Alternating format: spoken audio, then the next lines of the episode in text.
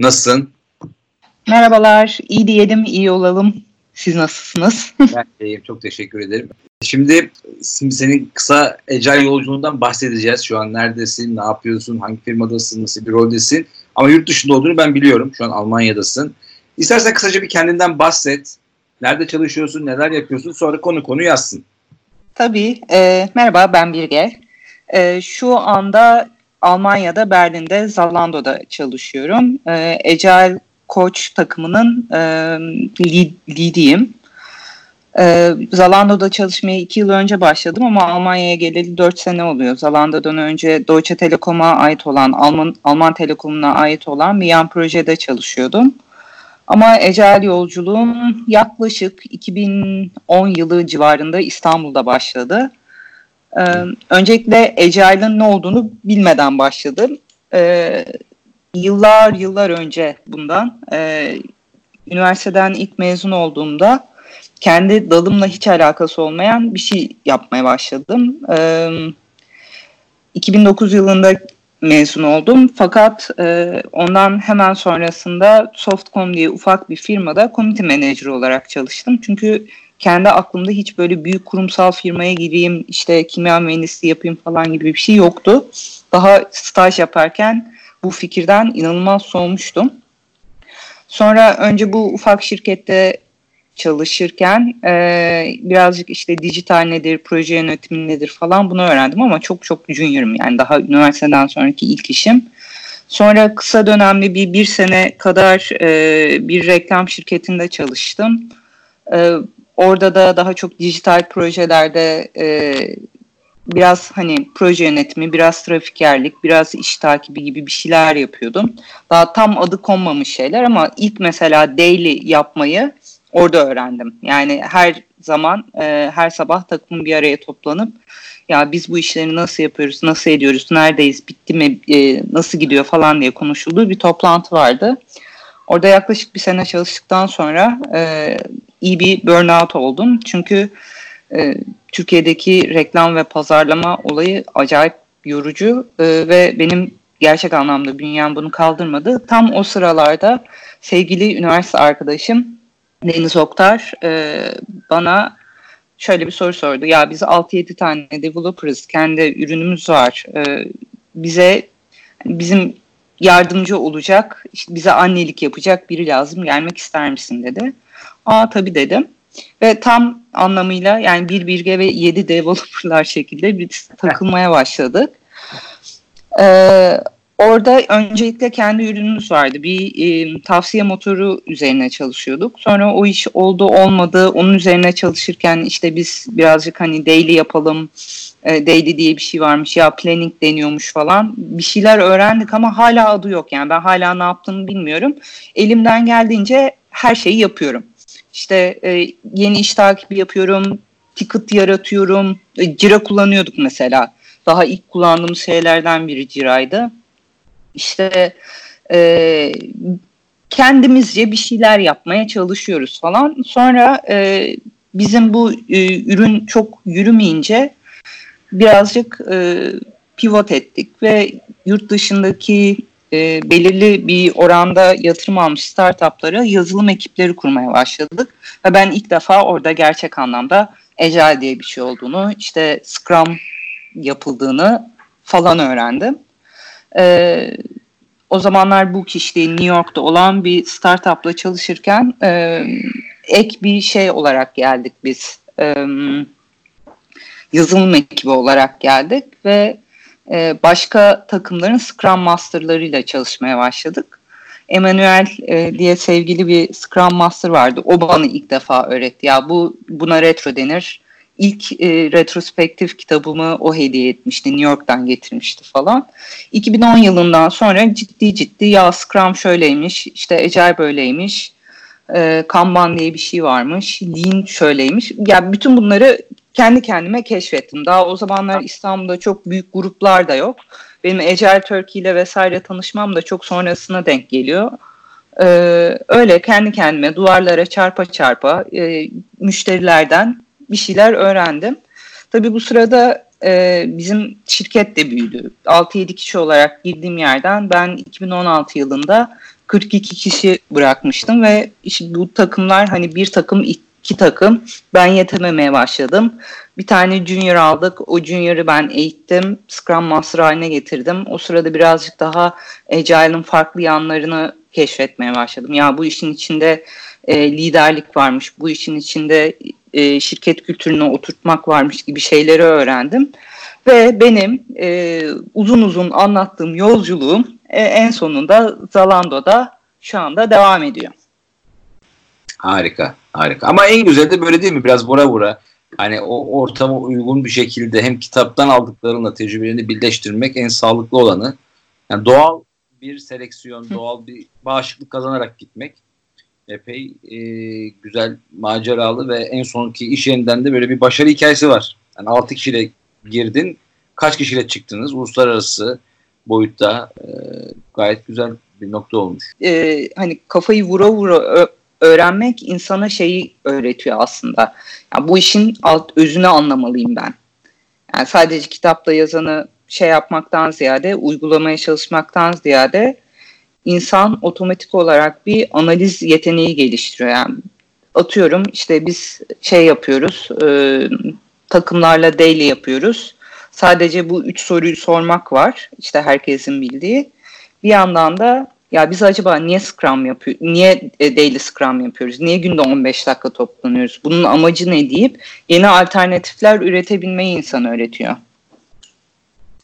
Doğru doğru çünkü işin hani değerler ve prensipler kısmına ben de çok önem veriyorum. Çünkü bu değerler ve prensipler anlaşıldıktan sonra pratikleri firmaya göre şeye göre yapabilirsin. Motomot o soruları sormak ya da motomot işte o noktaları ezberleyip ya da farklı firmada gördüğün avantajlı şeyleri farklı bir firmaya, diğer firmaya uygulamaya çalışma güdüsü gayet yanlış. Zaten baştan yani sürekli de bahsediyorum podcastlerde ben. Önce teşhis sonra tedavi noktası için bu dediğin nokta çok çok hı hı. doğru. Peki şu an Zalando firmasındasın. Doğru mu telaffuz ediyorum? Zalendo. Zalando. Zalando pardon Zalando. Hatta. Almanlar böyle Zalando diyorlar ama ona bizim e, dilimiz çok yatkın değil maalesef. Düz Zalando deyip ge- geçebiliriz. Tamam. Fransız firması mıydı? Alman firması mıydı? Alman firması 2008 yılında kuruluyor. Ee, aslında iki tane arkadaş bayağı flip flop bu parmak arası terlik satarak başlıyorlar. Ve tam e, şirketi kurduktan birkaç ay sonra Avrupa'daki bu büyük e, ekonomik krizlerden biri oluyor.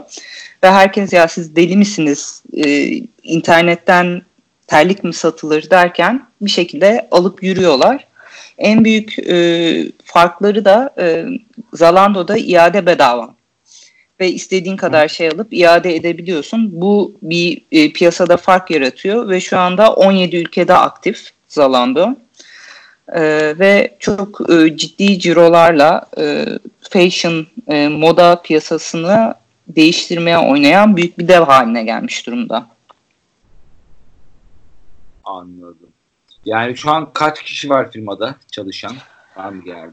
Ee, zannediyorsam bütün bu e, depolardaki elemanlarla beraber 16 binin üzerinde çalışanı var. Yaklaşık 5 bin civarı da teknoloji alanında çalışıyor. 5 bin kişi. Gayet büyük.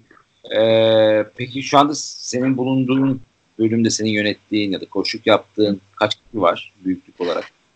Şimdi Zalando çok büyük olduğu için her departman aslında ayrı bir şirket gibi. Ben Retail Operations denilen e, bu toptan alımın yönetildiği bir kısımda çalışıyorum. E, benim takımımda 4 kişi var. Benimle beraber 5 tane Agile koçuz ve yaklaşık e, 400 kişilik bir ekibe koçluk yapıyoruz. Bunların arasında yazılımcılar da var, e, operasyoncular da var. E, farkı şu, yazılımcılar e, operasyoncuların kullandığı internal tool'ları yazıyorlar. Peki dört, dedi ki 400 kişi, 400 kişilik bir ekibe nasıl yetiyorsunuz bunun? İşin taktikleri, sırları var mıdır? Bir kısaca bahseder misin? Var. Bizim içeride geliştirdiğimiz ve sponsorship dediğimiz bir danışmanlık modelimiz var aslında. Her takımın her zaman bir ecel koçu olmuyor. Takımlar e, ecilikte anlamında aslında bayağı olgunlar. Yani her takım kendi seremonilerini seçiyor. e, kendi istedikleri bir yönetiyorlar. Takımlar gerçekten çok olgun bu konuda ama daha çok insan ilişkisi gerektiren ya da bilgi gerektiren yerlerde biz takımlarla kısa süreli anlaşmalar yapıyoruz ve takım bizim bu projemize sponsor olmuş oluyor. Genelde bu konular şöyle oluyor. Mesela e, takım lideri geliyor diyor ki ya bizim takımın e, üretkenliği bir aşağı bir yukarı oynuyor. Bunun sebebini de bulamadık. Ne olabilir diyor. Tamam diyoruz. Bizden biri takımı alıyor. Takımla belirli bir süre geçiriyor ve bu konuyu dediğin gibi teşhis ediyor. Ya bu takımda niye ne yanlış gidiyor diye. Bunun sebebi agility ile ilgili yani proses ile ilgili yanlış uygulamalar varsa bunu düzeltmek de olabiliyor. Ama insan ilişkileriyle ilgili konularda da yardımcı oluyoruz. Mesela takımın içinde çok ciddi anlamda çatışmalar varsa ve takım elemanları bunu çözecek kadar olgun değillerse bu konuda onları eğitiyoruz. Ve sonra e, belirli bir süreden sonra takımdan çıkıyoruz. Bu takımların seçimini de çünkü yani her takımın ufa, irili ufaklı sorunları oluyor. İki şeye göre seçiyoruz. Bir, takımın e, business criticliği ne durumda? Yani e, hangi takımın daha öncelikli olarak iş üretmesi gerekiyor? İkinci şey de tabii sorunun büyüklüğü. Yani ne kadar büyük oranda bundan etkileniyorlar. Buna göre bizim roadmap'lerimiz oluyor, çeşitli listeler oluyor. E, belirli bir takımı belirli bir seviyeye getirdikten sonra e, yeni bir takımı alıyoruz ve böyle bir rotasyon halindeyiz. Peki takımın için kullandığınız bir maturity model var mı? Mesela şu takımın seviyesi 10 üstünden 8'dir, bununki 3'tür, bu 3 olanı bizim 5 yapmamız lazım gibi bir mekanizmanız var mı? Yine bizim kendimizin geliştirdiği e, High Performing Teams dediğimiz bir modelimiz var. Bu çok hibrit bir model aslında. Yani her taraftan toplayarak kendimizin yaptığı bir şey. Ve daha çok hani e, Retail Operations Specific de diyebilirim. E, dört tane ana şeye bakıyoruz. E, kolona bakıyoruz. Birincisi takımın fokus çalışıyor mu? Yani e, objektifleri belli mi, stratejisi belli mi? E, bunun içerisinde e, çok hani high level şeyler de var. İşte genel kampanya stratejisine uyuyor mu kısmı da var. Ufak olarak e, takımın backlogu düzenli bir de var. Yani bu kadar geniş bir skalada bir fokusa bakıyoruz. İkinci baktığımız kısmı accountability dediğimiz e, öngörülebilirlik ve e, sürekli olarak yani düzgün bir şekilde iş teslim etme. Bunda yine takımın e, OKR'larını e, düzgün zamanında e, takip edip etmedikleri, sprintlerinin nasıl geçtiği e, sprint diyorum ama bazı takımlar sprint yapmıyorlar mesela. Onların belirlediği başka time box'lar oluyor ya da sadece feature üzerinden gidiyorlar. O yüzden bizim için hani öngörülebilirlik oradaki önemli şeylerden biri. Üçüncü baktığımız e, nokta takımların e, arasındaki işbirliği. Hem in, iç kendi içlerindeki hem de diğer takımlarla yaptığı işbirlikleri ve bunun ne kadar sağlıklı olduğu. Son noktada e, continuous improvement dediğimiz takım e, yeni şeyler öğreniyor mu, risk alıyor mu, denemeler yapıyor mu, kendine neyi katabiliyor e, gibi baktığımız alanlar var. Bunların hepsini tabii bir de e, birazcık da Ecel Koç'un kendisinin e, yorumladığı bir modelimiz var. E, genelde takım liderleriyle bunu tartışıp e, takımın durumuna buna göre karar veriyoruz. Anladım. Bu şey var. Peki bu noktada agility konusunda ne düşünüyorsun? Agility prensiplerini uyguluyor musunuz? Ya da hangi prensipleri var? Biraz ondan bahsetsek. Ee, aslında çok enteresan bir hikaye var orada. Zalando Agile ve Agility kelimesini artık kullanmıyor. 2016 ya da 2017 yılında ben şirkete girmeden önce e, bir önceki CTO Radical Agility diye bir model sunmuş ve bütün e, Zalando'nun yapısı bu modele göre değiştirilmiş. Bu e, birazcık yine Zalando'ya özgü hibrit bir model ama e, altındaki anlayış şu, e, eğer bir takımın amacı varsa, takım ustaysa, mastery ve bu takım otonomsa, otonomsa kendi e, işine en iyi şekilde yapabilir ve şirketi en iyi şekilde kalkındırabilir gibi bir yaklaşımları varmış. Fakat e, çeşitli sebeplerden, uygulama sebepleri e, ve uygulayamama sebepleri yüzünden bu iş birazcık e, düzgün yönetilemeyince bir Arap saçına dönmüş ve e, bir sonraki gelen CTO e, bundan sonra Radical Agility'nin yapılmasını hatta Agility kelimesinin kullanılmasını yasakladı. Zalando'daki e, enteresan şeylerden biri tek Agile Coaching takımı biziz. Başka herhangi bir e, ünitede e, bir Agile Coaching takımı yok. E, çünkü e, daha önce Agile Coach ya da Scrum Master diye bir e, title da yokmuş. E, producer denilen yine kendilerinin e, aslında bir şekilde uydurdukları hibrit ara bir e, form varmış ve e, onu kullanmaya çalışmışlar. Fakat e, o olmayınca ben iki sene önce ilk Ecel Koç olarak işe alınanlardım ve takım e, böyle devam etti. Yani aslında çok bir dönüş yok. Tam e, ben işe alınmadan önce producerlar, retail operations'ın içerisindeki producerlar bir araya gelip diyorlar ki e, biz producer olarak devam etmek istemiyoruz. Bu bir e, endüstri standardı değil. Bize adımız e, bundan sonra Agile Koç olsun diyorlar ve bir şekilde bu fikri e, VP'ye kabul ettiriyorlar.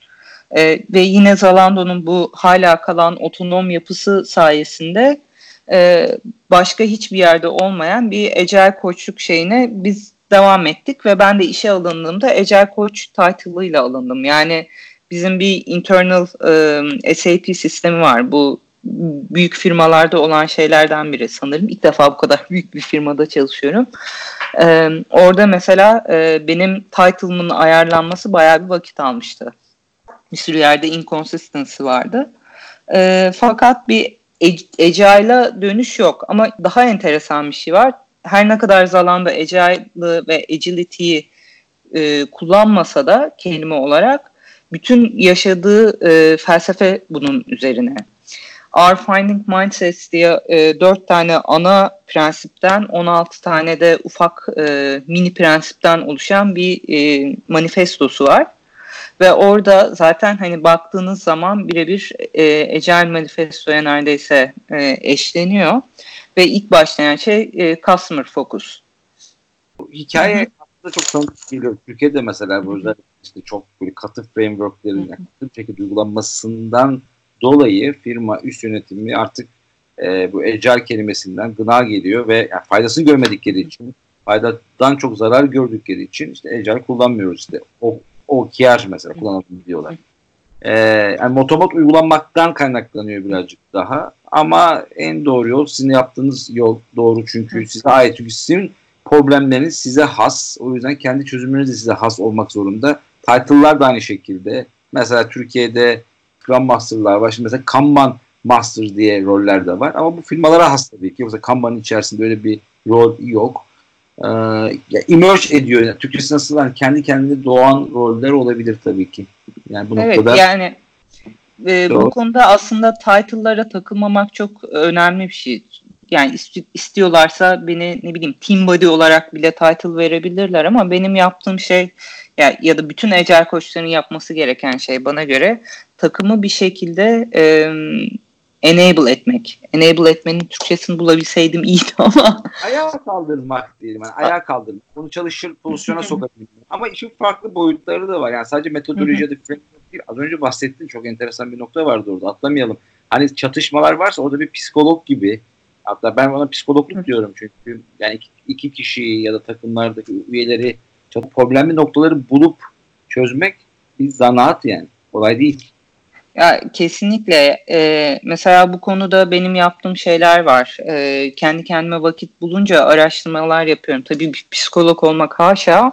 Fakat e, mesela grup terapilerinde kullanılan çeşitli e, drama ve oyunlar var. Onları retrospektiflere uygulamak üzerine mesela bir ara bayağı araştırma yapmıştım ve oradaki çeşitli e, o psikodrama teknikleriyle retrospektiflerde insanları daha açık nasıl konuşuruz buna bak buna bakıyordum. Yani gerçekten iyi bir ecel koçu olmak için hem psikoloji hem sosyoloji e, bu tip insan ilişkilerinin e, iyi en azından e, üç aşağı beş yukarı anlamak gerektiğini düşünüyorum. Ya da insanın merakı olması gerektiğini düşünüyorum desem belki daha doğru olur. Kesinlikle sana katılıyorum. Psikolog olmak haşa. Doğru söylüyorsun kesinlikle ama kitaplar okumak, katkı almak, farklı disiplinlerden katkılar almak çok çok önemli. Çünkü hiç beklemediğin bir disiplindeki bir hareket çok inanılmaz burada işe yarayabilir. Önemli kesinlikle evet. Yani mekanik bir iş değil. Katılıyorum sana. Peki agility kelimesi yasaklandı. Agile kelimesi yasaklandı ama sonra title açıldı. Ee, şu an peki nasıl bakış agility deyince firmada böyle bir şey var mı? Böyle bir um, yavaş yavaş Firmanın beklentisi şu, e, takımlar e, kendi kendileri verimli çalışabildikleri sürece bizim Agile Coach'tan ya da Scrum Master'dan beklediğimiz e, iş tanımlarını aslında daha çok ya takım liderine ya da takımın hepsine dağıtıyorlar. Beklenti evet Agile olmak ama bir Agile Coach ya da Scrum Master e, tutmaktan ziyade e, bizim belirli trainer ya da enabler dedikleri bir fonksiyonumuz olsun ve bu fonksiyon insanları kendi kendilerine yetebilmeye eğitsin kafasındalar.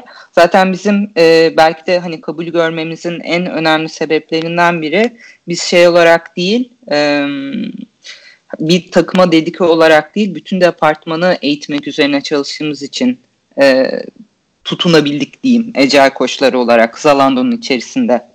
Ama doğru şimdi mesela 400 kişiden bahsediyorsun. 10 kişilik ekipler olsa 40 tane ecel koç lazım. Hani maliyetli bir yapıda bu. Yani her bir ekibe bir tane koy, koymak çok maliyetli. Bu yöntem çok daha doğru. Hani es, esas prensiplerini uyguluyor. Bu doğru anlamış mı deyip onları kendi yolunda götürtmek. Hani ölçeklemek açısından da çok mantıklı bir yol. Yani ben de böyle düşünüyorum ve şu anda zaten yaptığımız şey hani bunu daha iyi nasıl yaparız, daha kalıcı nasıl yaparız ve Zalando mesela çok çabuk değişen bir yer. Koşulları değişiyor, iç dinamikleri değişiyor.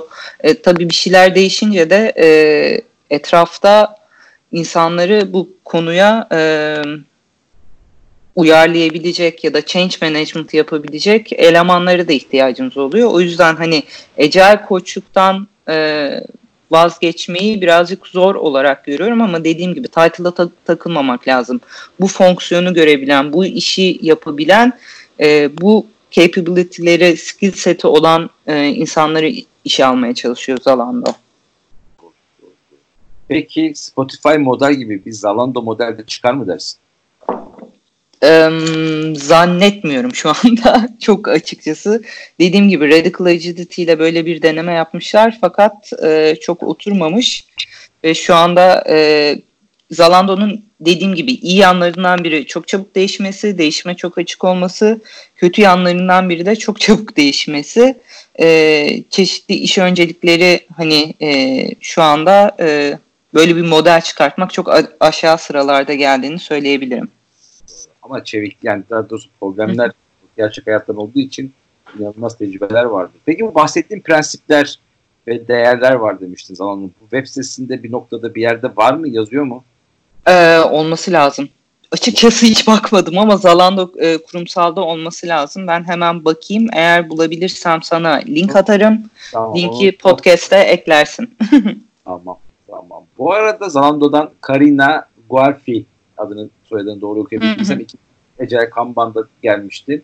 Ecel Kamban İstanbul 2019'da. Orada bize bu firmanın işte bahsettiği gibi terlik satarak başladılar. O hikayesi fotoğraflarla beraber hangi noktada olduklarını çok güzel bir şekilde anlatmıştık. Çok keyifliydi başarı hikayesi. İnşallah 2020 yapabilirsek şu e, sıkıntılardan sonra İnşallah seni de ağırlamak isteriz. Buradan söyleyeyim tekrardan. Yani çok keyifli, çok güzel hikayeler vardı çünkü. Ee, çok değişiyor her şey. Problemler çıkıyor, yeni şeyler, yeni rakipler. Onlar inanılmaz bir agility ihtiyaç var. Ve çok güzel dersler var. Benim de sözüm olsun o zaman burada. Tamam, tamam inşallah. Peki şimdi burada bir ecel koç olarak e, yani bir ecel koçluğun zor yanları nelerdir? Yeni başlayacak arkadaşlara tavsiyem e, şu olacaktır. Her zaman işe neden diye sorarak başlasınlar ve e, bir şeyi neden yaptıklarını merak etsinler ve işin analizini iyi yapsınlar. Burada e, bir ecel koçu diğerlerinden ayırabilecek en büyük şeyin bu olduğunu düşünüyorum. En büyük farklılığın e, bu olduğunu düşünüyorum. Da yani kolay değil çünkü neden diye sormak bir alışkanlık bir de tabii o kültür meselesi biraz bu lean e, lean tarafında da çok çok sorulan e, daha iyi bir yöntemlerden bir tanesi ama neden neden diye sorabilmek cevaplarını aramak veri dayalı olmak bunlar hepsi biraz kültürün yani kişilik de tabii yatkın olması lazım ama emek isteyen şeyler. Emek isteyen şeyler. Doğru söylüyorsun. Ya sorgulayıcı olabilmek, dedektif gibi olabilmek önemli. Ben evet ben pardon. ee, ben mesela İstanbul'dan Berlin'e geldiğimde ilk öğrendiğim şey şu oldu. Hani sonuçta e, Türkiye'deyken de farklı kültürlerle çalışıyordum. E, fakat hani buraya gelince gördüğüm şey çok daha farklıydı. Ve Almanya'da, Berlin'de özellikle bütün yazılımcılar ve takımlar arasında neden diye sorma var. Türkiye'de daha çok gördüğüm şey hani biri bir şey yapılacaksa tamam yapıyoruz olur. Çok fazla bir sorgulama olmaz ve şeye çok fazla atlıyoruz. Hani çözüme atlıyoruz. Ama burada herhangi bir işe başlamadan önce e, junior yazılımcısından şeyine kadar, VP'sine kadar sana ilk sorulan soru neden? Bunu neden yapıyoruz? Bize faydası ne olacak? Hangi sorunu çözmeye çalışıyoruz?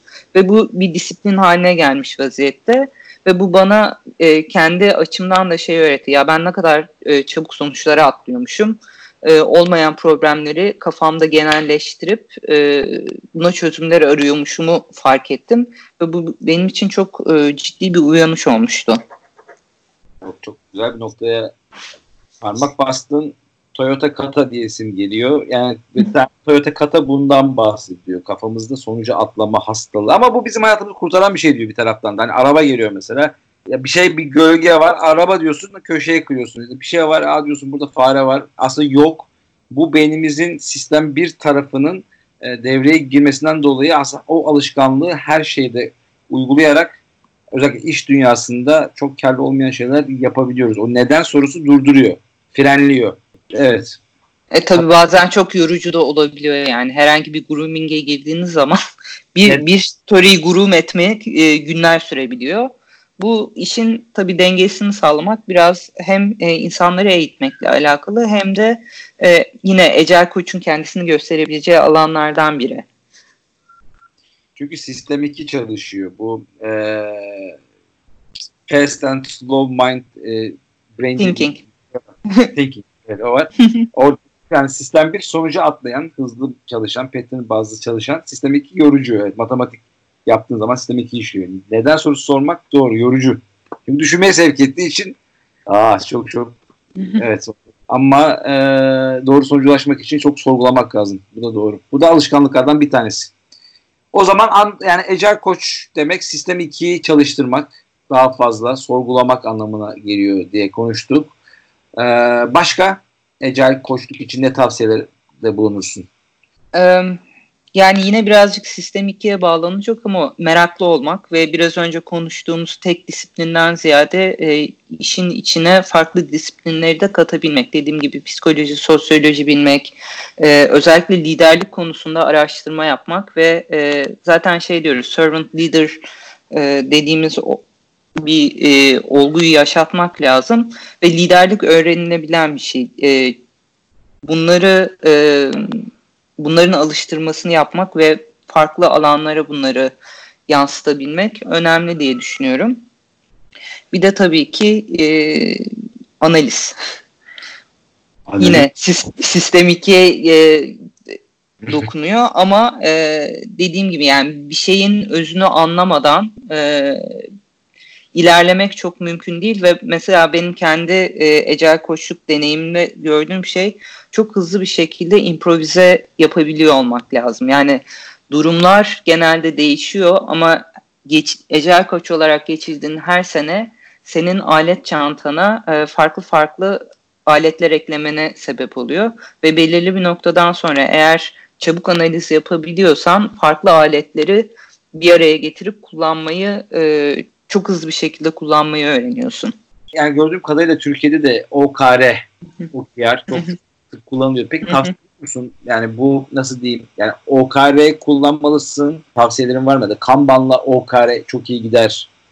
Türkiye'de. Ee, teknik olarak Zalando'da biz ikisini beraber kullanıyoruz. Bundan önce ben Deutsche Telekom'da e, çalışırken de beraber kullandık. Çünkü e, OKR'lar ya da OKR'ler aslında senin gitmek istediğin yolu sana e, gösteren şeyler. O objektif senin aslında bir fırsat olarak gördüğün ve gerçekleştirmek istediğin şey. Key, key result'larda ya tamam ben atıyorum Mars'a gitmek istiyorum ama Mars'a gittiğimi nereden anlayacağımın e, sana cevabını vermek. Bu senin e, kendine bir hedef koymanla ve bu hedefe ne kadar sağlıklı olarak yaklaştığını ölçmenle alakalı bir kısım. Bunu nasıl e, execute edeceksin? O, o sana kalmış. İstiyorsan Scrum'la et, istiyorsan Kanban'la et, istiyorsan e, Waterfall'la et. Bence ikisi e, birbiriyle örtüşen ama ayrı ayrı da kullanılabilecek e,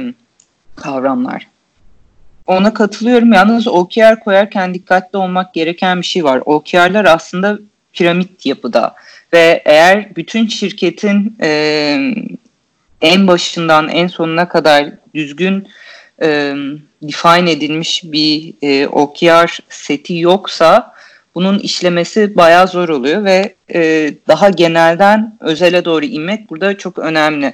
Mesela Zalando'nun OKR'lerine baktığımız zaman Zalando'nun kendi o ilk O'su objektifi fashion denince, moda denince akla gelen marka olmak. Bu koyduğu büyük, büyük O'lardan biri ve bunun altında tek tek inmeye başlıyor. Biz mesela e, supply'ın altındayız. Supply bu e, sonuçta Zalando bir e-ticaret firması olduğu için satın alımı yap, satın alım yapılması gerekiyor ve bütün satın alma kısmı supply. Mesela onların söylediği şey de bir gardırobun içerisinde olması gereken her e, şeyi sağlayabilmek. Yani bu e, üstteki fashion'ı besleyen bir şey. Supply'ın altında bizim retail operation var. Retail operation'da e, touchless ve perfect order'ı e, sağlayabilmek. Yani e, tool'ları kullanarak en verimli bir şekilde biz bu satın almayı nasıl yapabiliriz'i destekliyor. Yani bu piramit olmadığı sürece sadece tek bir departmanın olması ya da bir tane kocaman OKR koyup ona e, ulaşmaya çalışmak genelde e, yanlış anlaşılan ve sonu e, hazin biten e, uygulamalardan oluyor. Benim şahsi olarak gördüğüm şey bu genelde. Peki burada OKR'ları çıkartmak için tüm şirketçe bir oturumlar yapılıyor mu? Hani tüm mesela bir 200 kişi, tüm stratejik kişiler gelip biz şimdi OKR'larımızı belirleyeceğiz diyorlar mı? Safe'de olduğu gibi. Ee, şöyle oluyor. OKR'ların O kısmıyla KR kısmı ayrı ayrı belirleniyor. O'lar, objektifler ya da e, opportunity'ler e, daha çok lider takımlarının bir araya gelip kendilerinin belirlediği olu, e, şeyler oluyor ve yukarıdan aşağıya doğru oluyor. Yani önce e, company objective, sonrasında department objective, sonrasında unit objective diye inen bir yapı var. Ama KR'lar alttan yukarıya doğru oluyor. O'lar belirlendikten sonra e, key result'lar için takımlar aşağıdan yukarıya doğru çalışmaya başlıyor ve en küçük yerden en büyük yere doğru e, bunlar belirleniyor. 6 aylık e, süreler bazında yapılıyor ve KR'lar gerekirse düzeltiliyor. Yani bir şeyi seçince bu tamamlanan kadar böyle olacak diye bir şey yok. Sadece e, hani yolunda mıyız, e, gerçekçi miyiz diye e, bakmak gerekiyor. Şey soracağım peki bu takımlar arasındaki işbirliklerinde e, bir böyle değer zincirleri, value streamler çıkartmak için de kullanıyor mu bu?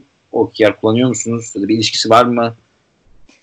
Um, iki tip OKR'ımız var bizim aslında. Bir tanesi business OKR dediğimiz bu tamamen e, işin hani business kısmına bakan OKR'lar. Bir de e, her departmanın kendisine koyduğu ya technical KR ya da department KR dediğimiz ikinci bir set OKR oluyor. Onların içinde her e, takım ya da her departman kendine özel şeyler belirleyebiliyor. Bu business OKR'lar zorunlu. Diğer department ya da technical OKR'larda öyle bir zorunluluk yok. Ama bu evet kullanılabilir. Yani doğru metriği e, bulduğunuz sürece, doğru e, sonucu tanımlayabildiğiniz sürece e, her yerde kullanabileceğiniz bir yapı. Evet, evet. gayet güzel. Güzel bilgiler aldım. Teşekkür ediyorum. OKR'ın bu kadar geniş kullanıldığını bilmiyordum. Gayet açıklayıcı oldu. Teşekkür ediyorum. Peki burada yavaş yavaş sonlara gelmeye başladık. Bu noktada senin önereceğin kaynaklar, web siteleri ya da şöyle bir şey daha geliyor. Bir yaklaşım geliyor, böyle bir tool set geliyor. Buna da bakın diyeceğiniz önerilerin var mı? Um, kitap olarak aslında benim birkaç tane herkesin yine okumasını e, tavsiye edeceğim kitap var ve bunların başında Daniel Goleman'ın e, kitapları geliyor. Daniel Goleman e, bu emotional intelligence, duygusal zeka kavramını e, bulan babalardan biri diyelim ve onun sadece emotional intelligence değil, e, social intelligence e, isimli bir kitabı daha var. E, bunu özellikle tavsiye edebilirim. Çünkü emotional intelligence'da daha çok bireyin diğer insanlarla ilişkisine bakarken, e, diğer bireylerle ilişkisine bakarken daha doğrusu, social intelligence'da bireyin e, gruplarla olan ilişkisini inceliyor ve e, özellikle Agile Coach'ların e, çok faydalanabileceğini düşünüyorum kitaptan. Bunun Hı. haricinde yine Daniel'la başladık. Daniel'la devam edelim. Daniel Pink'in e, kitaplarını önerebilirim. E, Drive e, zaten Radical Agility'ye e, ilham olan kitaplardan bir tanesi. E, bunun haricinde yine koç olmak isteyenlere özellikle birebir koçluk yapacak olanlara John Whitmore'un, Sir John Whitmore'un Performance Coaching diye bir kitabı var. Grow modelini anlatıyor. Bu soru sormakla ilgili ve e, yine aynı şekilde hedef koymakla ilgili bir kitabı var. Bu kitabı kesinlikle öneririm. E, benim için çok e, yani çığır açmış kitaplardan biridir. Onu söyleyebilirim. Bir de e, özellikle yurt dışında çalışacak ya da e, bu çeşitli e, uluslararası firmalarda çalışacak arkadaşlara önerim. Erin Meyer'in Culture Map'ini okumaları olur. E, bu da e, bana özellikle farklı milletten gelen insanlarla, farklı dinamiklerle çalışma konusunda bayağı e, şey katmış kitaplardan biridir. Çok teşekkür ediyorum. Bir anda sayınca ben not aldım bunları koyacağım ama çok enteresan oldu. Aslında Abi, yanımda çok... kitaplar şeyden bakıyorum. Şu anda e, siz görmüyorsunuz ama kütüphane hemen yanımda olduğu için kafayı çevirince. Harika bu kitaplara ben de bakıyorum. E, podcast notlarına da koyacağım. Peki şu nokta enteresan geldi. Şimdi sen Türkiye'deydin. Şimdi Türkiye'den yurt dışına bakıldığı zaman klasik hani 2000'lerin başından itibaren yazılımcılar e, daha çok gittiler. Şimdi daha son dönemlerde de ecel koçlar gitmeye başladılar. Kişilere ne tavsiye edersin? Neleri dikkat evet. etsinler? Neyi yapmasınlar mesela? Ya özellikle ve özellikle e, farklı kültürlerle çalışmayla ilgili dinamikleri e, bir şekilde öğrenmeye başlasınlar. Yani bu konuda araştırma yapsınlar. Bunu çok çok çok tavsiye ediyorum. Çünkü her ne kadar dediğim gibi ben hani daha önce İstanbul'dayken de farklı milletlerle çalışıyordum ama işin bu kadar farkında değildim. Yani günlük hayatta çok fazla etkisi oluyor. Ee, ve farklı kültürlerle çalışmanın, farklı e, dinamikleri öğrenmenin faydasını ben sonrasında çok gördüm. Ee, hatta eşime de bu konuda yardım ediyorum. O da benden sonra e, Türkiye'den geldi. Burada çalışmaya başladı ve e, hani bazı şeylere o da şaşırıyor. Ya işte bir şey söylüyorum e, sonra tekrar söylemem gerekiyor falan gibi. E, mesela bu çok normal olan şeylerden. E, bu tip şeyleri öğrenmek kesinlikle çok faydalı oluyor bir. İkincisi e, bu belki biraz saçma bir uyarı olacak ama benim kişisel olarak gördüğüm şeylerden biri İngilizcelerine çok geliştirmeleri gerekiyor ve sadece iş İngilizcesi değil, e, conversational English denilen bu hani günlük hayatta kullanılan özellikle hani işin daha e, nasıl diyeyim e, günlük insan ilişkilerini ilgilendiren İngilizcelerinin işte deyimlerinin vesaire iyi olması lazım. Çünkü e, yine ecel koşunun bir kısmı konuştuğumuz gibi e, neredeyse terapistliğe kadar kayabiliyor ve dil becerileri bu konuda çok önemli. Üçüncü nokta da yine genel bir şey İstanbul'da çalışmak ya da Türkiye'de çalışmak ya da yurt dışında çalışmak olsun kesinlikle liderlik konusuna e, yatırım yapmaları lazım. Çünkü benim e, Almanya'da gördüğüm e, her çalışandan lider özellikleri göstermesini bekliyorlar ki Ecel Koç olunca dediğimiz gibi servant leadership bunun hani sorumlulukların içinde olması lazım. Ee, bu üç konu gerçekten gelmek isteyenlere büyük tavsiyemdir. Ee, bu konuda kendinize yatırım yaparsanız yurt dışında ya da Türkiye'de bile e, kendinize çok şey katarsınız. Teşekkür ediyoruz. Peki ben şunu açmak istiyorum. Liderlik becerileri derken neyi kastediyorsun? Liderlik becerileri derken mesela e, paniklememek. Bu çok önemli liderlik becerilerinden biri. İkincisi duruma göre davranmayı bilmek. Bazı durumlarda daha command and control dediğimiz daha e, emir komuta zincirinde davranmak gerekiyorken bazı durumlarda daha e, işbirliğine yönelik davranmak gerekiyor. İyi bir lider bu iki durumun farkını e, çabuk analiz edebilen lider oluyor. Mesela kriz durumlarında command and control davranmak gerekirken e, işini iyi bilen güçlü bir takımda daha işbirliğinin üzerine e, çalışmak gerekiyor. E, öteki şeylerden e, liderlik e, şeylerinden biri e, özelliklerinden biri e, insan yetiştirmek. Bunu çok önemli buluyorum. Yani ister bir junior olsun ister başka bir e, takımdaki başka bir eleman olsun mutlaka e, mentorluk yapmaya ve e, özellikle insan yetiştirmeye e, bilmek çok önemli liderlik vasıflarından biri olduğunu düşünüyorum. E, bunun haricinde ne diyebilirim? E, dediğim gibi sakin olmak önemli. Çünkü e, genelde insanlar liderleri takip ediyorlar. Yani liderler takip edilen şeyler ve insanlara güven verebilmek, bu e, güveni koruyabilmek sonrasında e, önemli noktalar. Liderliği sadece şey olarak düşünmemek lazım. Yani benim altımda bir takım var ya da e, bana bağlı subordinate'larım var ve ben onlara emir veriyorum. Onlar benim istediğimi yapar şeklinde değil. Ben insanları nasıl etkilerim? A noktasından B noktasına gitmelerine nasıl yardımcı olabilirim? E, nasıl hedef koyabilirim? Ve e, bu hedeflere ulaşılıyor olduğundan nasıl emin olabilirime bakmak lazım. Çok faydalı oldu. Çok teşekkür ediyorum Bilge. Eklemek ben teşekkür ederim. var mı son kapanışa doğru? Ne eklemek istersin? Son tavsiyelerin ne olur? Eklemek istediğim belki yine liderlik konusuna şey söyleyebilirim. Ee, bizim Zalando'da kullandığımız model Situational Leadership 1 ve Situational Leadership 2 diye geçiyor. Google'dan böyle bir arama yaparsanız e, bu konuda e, bayağı hani yardımcı olabilir.